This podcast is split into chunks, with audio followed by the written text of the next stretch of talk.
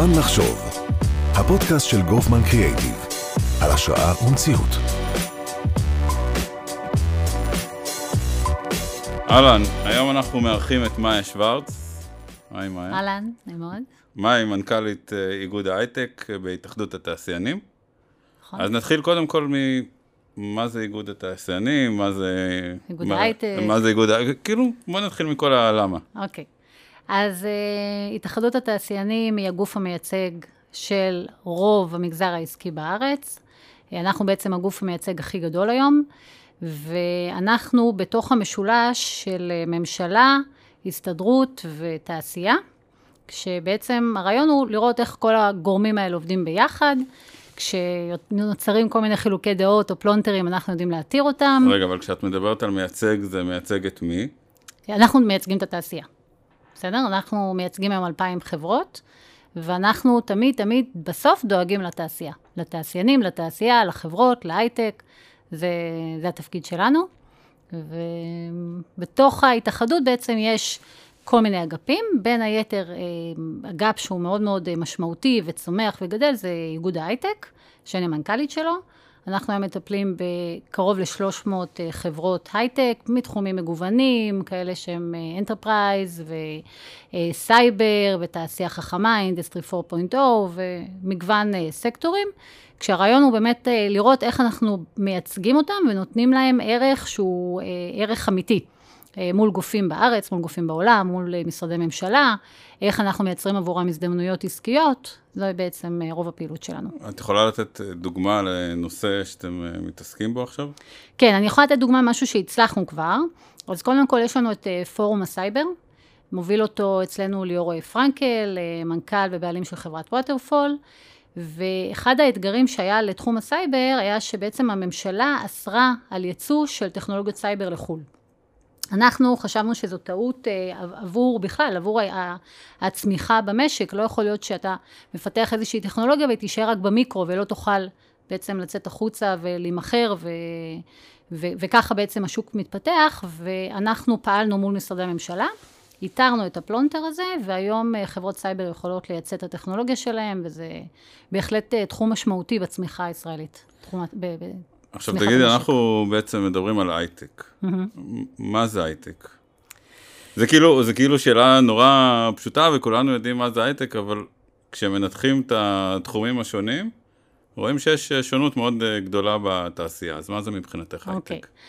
אז קודם כל זאת שאלה מצוינת, והתשובה יכולה להיות באמת אה, גם מורכבת וגם אני חושבת שהיא שונה בין אה, אדם לאדם. אה, אני חושבת שהייטק קודם כל זה, זה טכנולוגיות, זאת אומרת ברגע שאתה נוגע בטכנולוגיה אתה כבר נוגע בהייטק, כי זו טכנולוגיה גבוהה. אה, אני מאוד אוהבת את, ה, את הטכנולוגיות שעושות דיסטרפטיב לשוק, שקצת מפריעות אותו ומשבשות אותו ומסתכלות עליו בצורה שונה, כשהבסיס הוא תמיד תמיד טכנולוגיה. אז אם השאלה הבאה לדוגמה תהיה מה ההבדל בין תעשייה יצרנית, מפעלים יצרניים, חברות יצרניות, לתוך ההייטק, אז אני בהחלט אסכים עם זה שההבדל הולך ומטשטש. אה, בגלל שבעצם גם בחברות יצרניות היום אתה חייב, חייב, חייב להכניס טכנולוגיות הייטק, אחרת הם, אה, הם לא יוכלו לשרוד. אבל דיברנו על זה קצת אה, בשיחה המקדימה.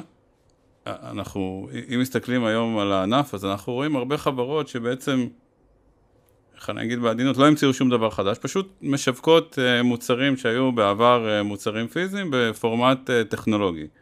מבחינתך זה הייטק? אז מאוד מאוד תלוי, גם כן, יש שם כאלה שהם כן, יש כאלה שלא, אתה יכול להגיד את זה על כל דבר, אמזון היא הייטק, אה, כל המשלוחים האלה היום זה הייטק, אי-ביי זה הייטק, זה, זה באמת יכול להיות... אה, האמת היא שאמזון באמת, אם מסתכלים אה, משלוחים. בתחילת- בתחילתה, כן, כן, הייתה פרופוס חברה לוגיסטית עם איזשהו ממשק נכון. טכנולוגי. אבל עדיין הממשק הטכנולוגי הוא מאוד מאוד מתקדם, הוא חוצה גבולות, הוא סקלבילי בטירוף, אתה יכול אה, לשווק היום תוכנה בצורה מאוד מאוד מהירה.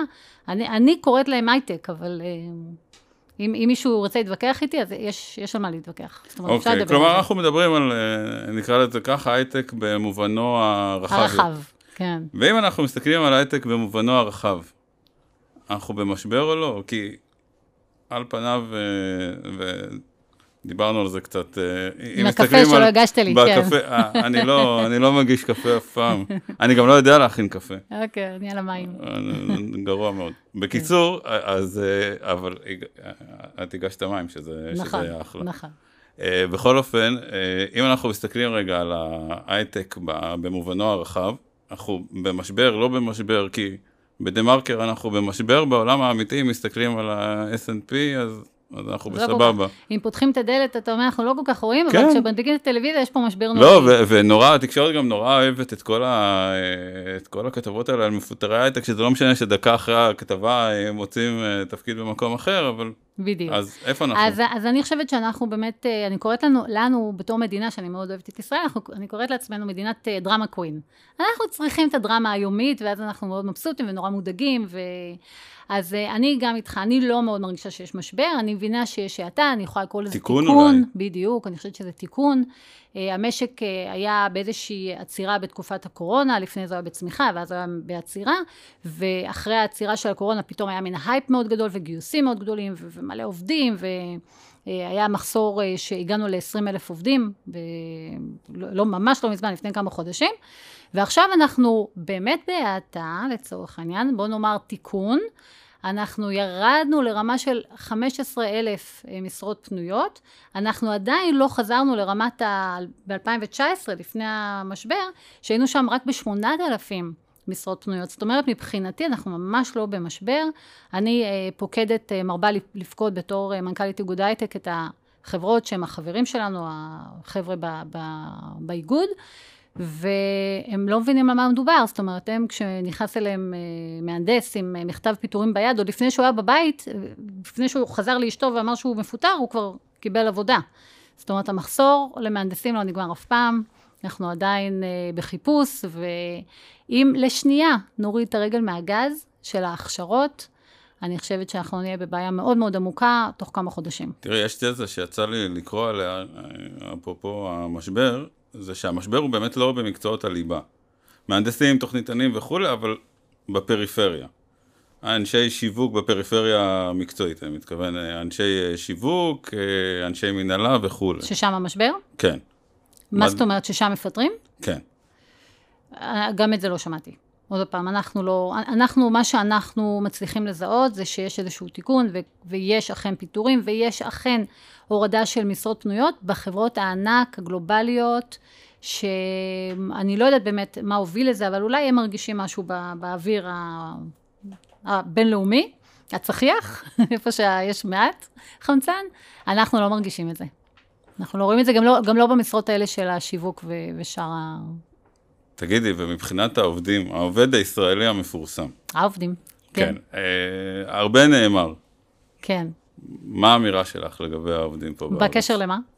משמעת עבודה, אה, אה, יצירתיות, לא יצירתיות, איך את מאפיינת את העובד הישראלי? קודם כל, אני חושבת שהעובד אה, עבר פה איזושהי טרנספורמציה ואיזושהי אבולוציה בכלל בעולם, דיברו על דור ה-X ודור ה-Y ודור ה-Z, וכולם תמיד ספגו ל... אנחנו בZ כבר בZ, כבר כמה שנים, 1.4.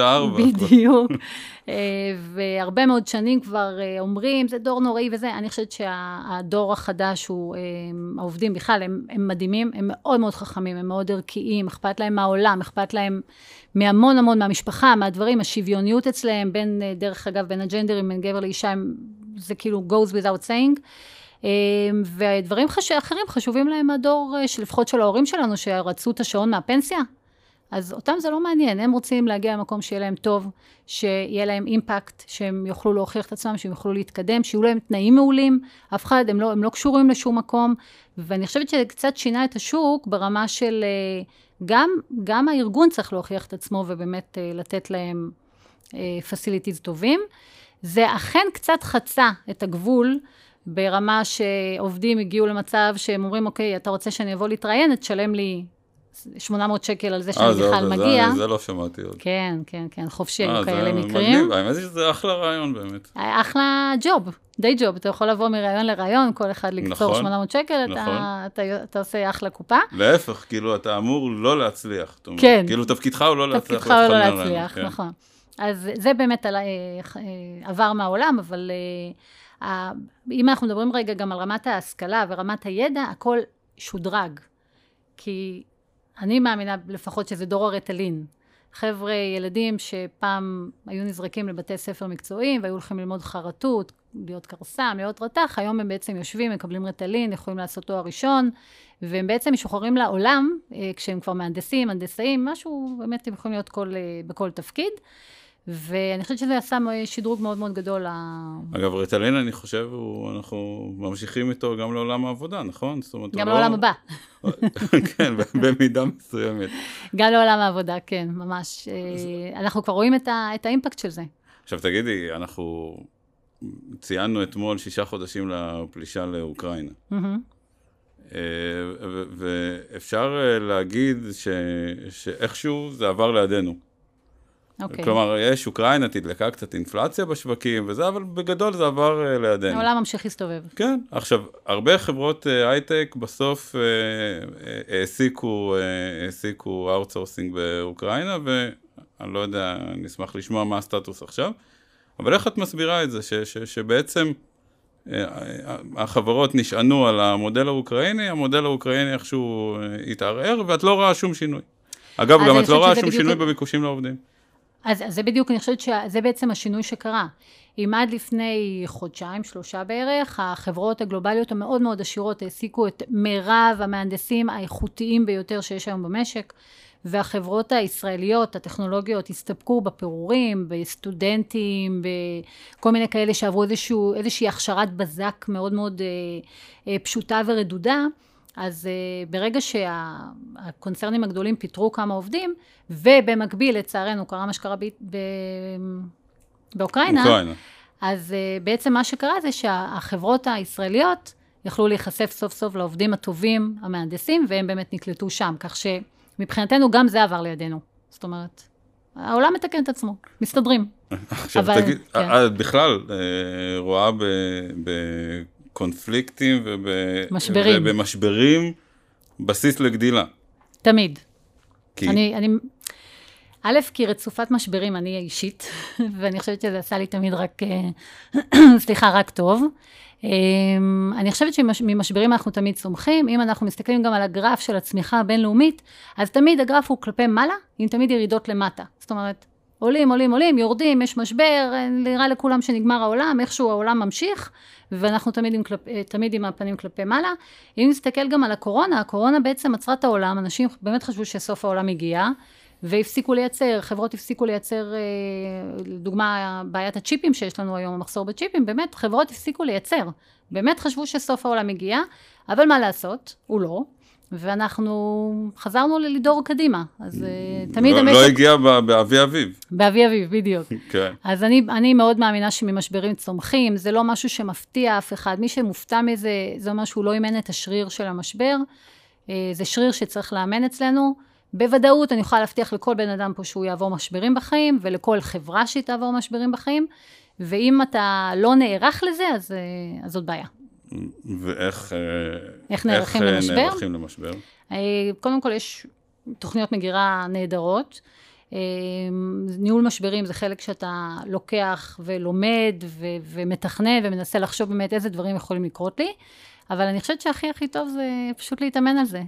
אה, כלומר, ב... כלומר, אם דיברנו על אלה שקודם הולכים לרעיונות עבודה, אז להיכנס ממשבר למשבר, לא לפתור את המשברים אף פעם, כאילו, להביא אותם לנקודה שהם כמעט נפתרים, ואז להמשיך. אני חושבת שפשוט לא להיות היסטריים ממשבר, לא להימנע ממנו, טוב, אף אחד לא... היסטריה זה תכונה אנושית בסוף. וישראלית במיוחד, אני חושבת. כן, אנחנו מכורים לזה. בדיוק, אז אה, אדרנ... זה גם אדרנלין, זה סוג מסוים של אדרנלין. אבל אה, זה משהו באמת להתאמן עליו, אני חושבת שאם אנחנו רגע מדברים במיקרו ולא במקרו, אז אנחנו כהורים, צריכים לתת לילדים שלנו הרבה פעמים לחוות משבר, אני חושבת שזה מחשל אותם, לא סתם אמרו, מה שלא הורג מחשל, אז uh, להתאמן על זה, זה שריר. זה שריר, גם אחרי זה בעסקים, אתה תראה חברות שעברו משברים מאוד מאוד גדולים, וכולן עוברות משבר, אם הם יודעים לצאת מזה ולנהל את זה נכון, לנהל משבר זה מקצוע, אתה רואה שהם uh, תמיד כלפי מעלה. נחזור רגע לעובדים. כן. ועל המחסור בעובדים איכותיים. איך את רואה את הפתרון לסוגיה הזאת?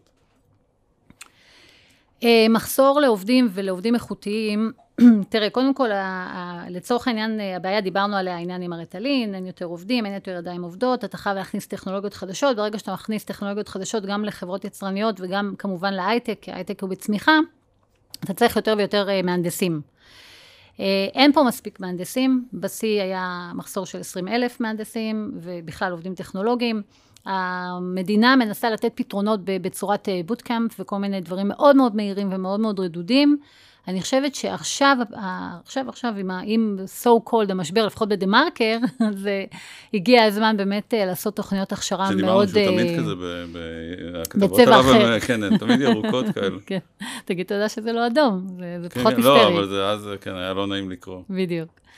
אה, ואני חושבת שהפתרון הוא תמיד יבוא מהפריפריה, גם החברתית וגם הגיאוגרפית. יש שם מוחות נהדרים שלא חשופים היום לתחומים האלה.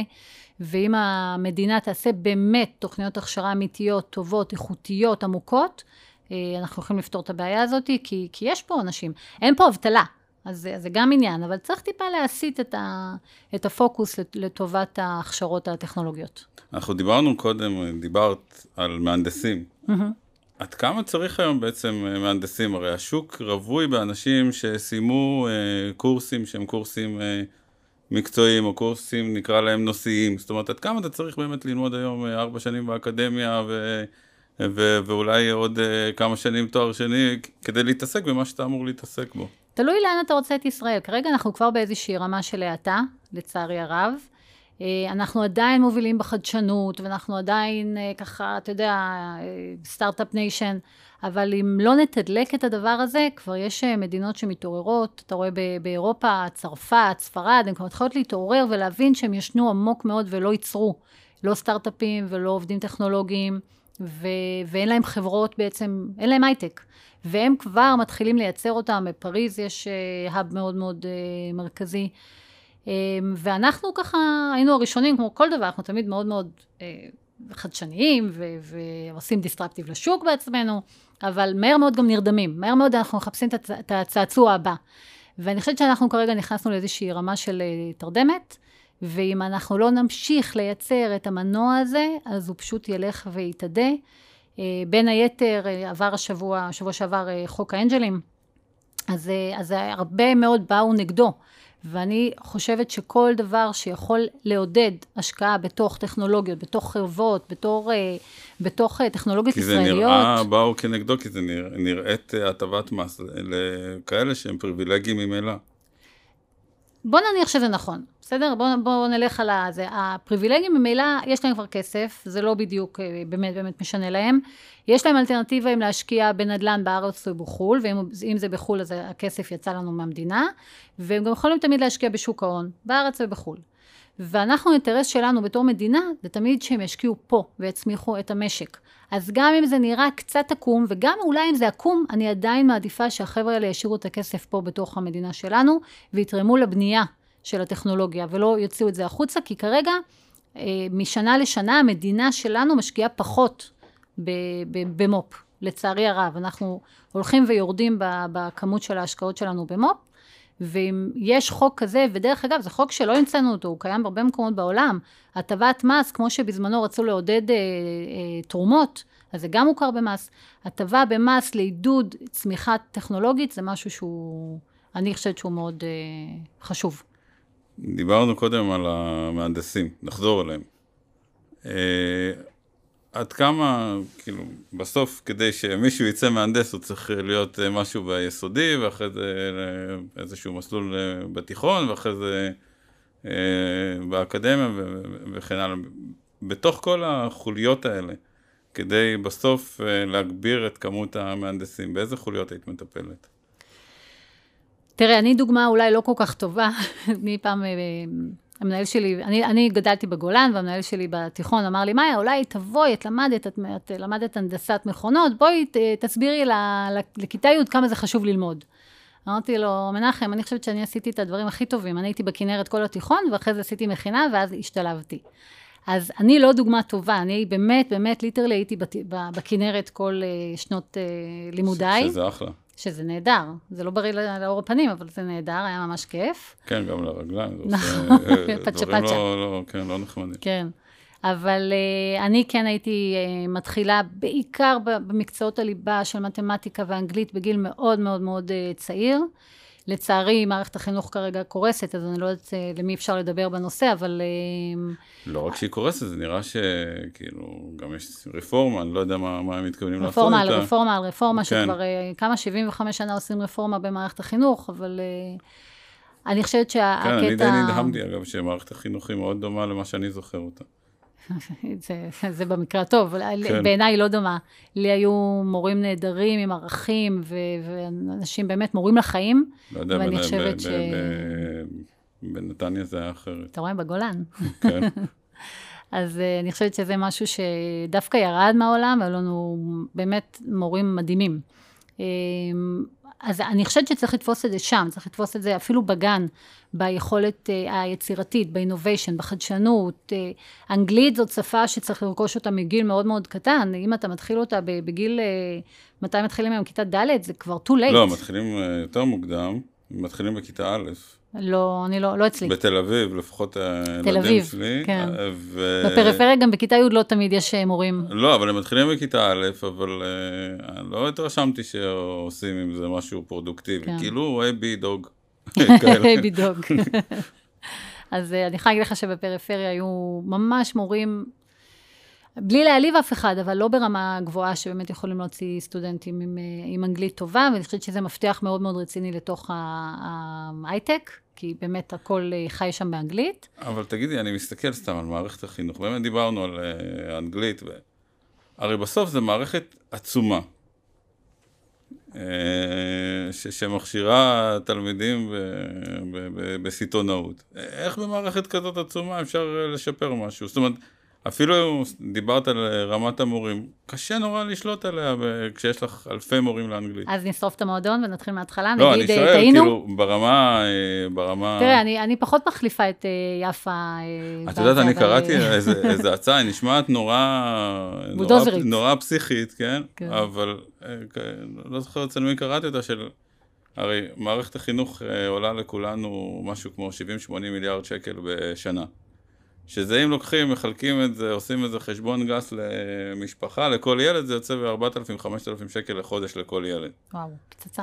אז, אז אחת התוכניות ששמעתי זה לחלק 4,000-5,000 שקל לכל ילד, כן, ובדיוק, ושכל אחד יבחר את המערכות שהוא לומד בהן. כן, אני, אני מודה שאני בעד, אני חושבת שהיכולת שה, היום של המערכת החינוך, החינוך האמיתי לשנות את זה היא שואפת לאפס, ואני הייתי רוצה לראות יותר ויותר אה, מערכות פרטיות.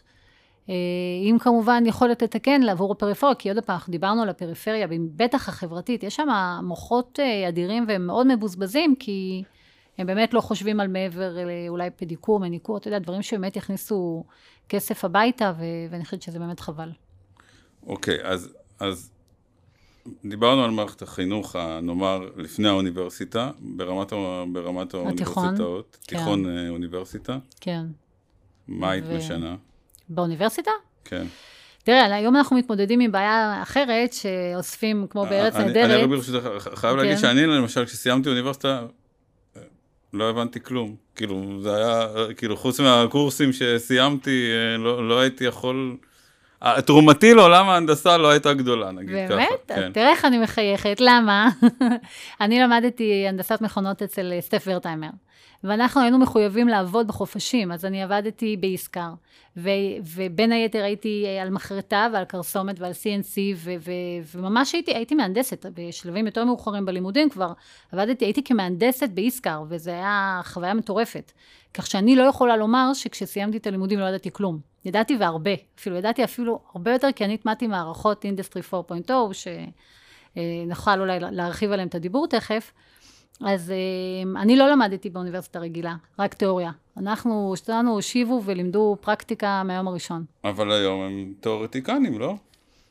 היום, בוא, יש בכלל נשירה ענקית מהאוניברסיטאות, לרובם לא מסיימים uh, תואר. כי? זו, אני חושב, כי יש להם, מחכה, מחכה להם uh, מעבר לפינה אחלה הצעה מחברות הייטק שזקוקות לעובדים, שדיברנו על המחסור העצום הזה, והרבה מהם אפילו לא מסיימים את התואר. אז אולי באמת תואר זה דבר חצי מיותר היום. שהוא פסה? כן. זה לפעם שרצו לבטח את ההכנסה, אז היו עושים תואר, ואז היה לך... קרן השתלמות. כן, כן. ואז היית הולך לעבוד איפשהו ומקבל קרן השתלמות והיה סבבה. שאלה טובה. אולי באמת צריך לעשות דיסטרפטיב גם על זה. זה גם יגדיל אה, את קצב הייצור, תארי לך שילמדו במקום ארבע שנים אה, שנתיים. מה שקורה היום בעצם, זה מי שמלמד את המהנדסים הצעירים זה בעצם 8200. תכלס. את התכלס, את כן, התכלס. בסוף הם עומדים בתחנה כמו בארץ נהדרת, לא ומישהו... מדבר על משוואות אה, דיפרנציאליות אה, אה, רגילות כן. ולא רגילות וזה, אבל אה, כאילו איפה לתקוע את הצ'יפ. לא, איפה לתקוע את הצ'יפ זה פחות, אבל באמת, אה, כמו שהיה בארץ נהדרת, נדיר אקרמן היה אוסף אותם מ- מהתחנת אה, אוטובוס, את החיילים, לא את הצנחנים, את 8200. לא, לא, את הצנחנים הוא היה משאיר. בדיוק. כן, אז, כאילו, כן, מה לאסוף צנחנים? אני חושבת שפה הבעיה היום, עוד פעם, הבעיה ואולי גם הפתרון, אולי בישראל המהנדסים החדשים יהיו כאלה שיצאו מצה"ל, אני, אני לא יודעת, השאלה גם איפה זה שם אותנו בבינלאומי, וכמה זמן זה יחזיק על העדים האלה של... בסוף אנחנו אה, חייבים להיות עם אה, יתרון טכנולוגי מובהק גם מול העולם, במיוחד מול העולם. המוח שלנו, אין לנו פה משאבים, אין לנו מחצבים, אין לנו אה, כמויות של עובדים, בסוף יש לנו מוח.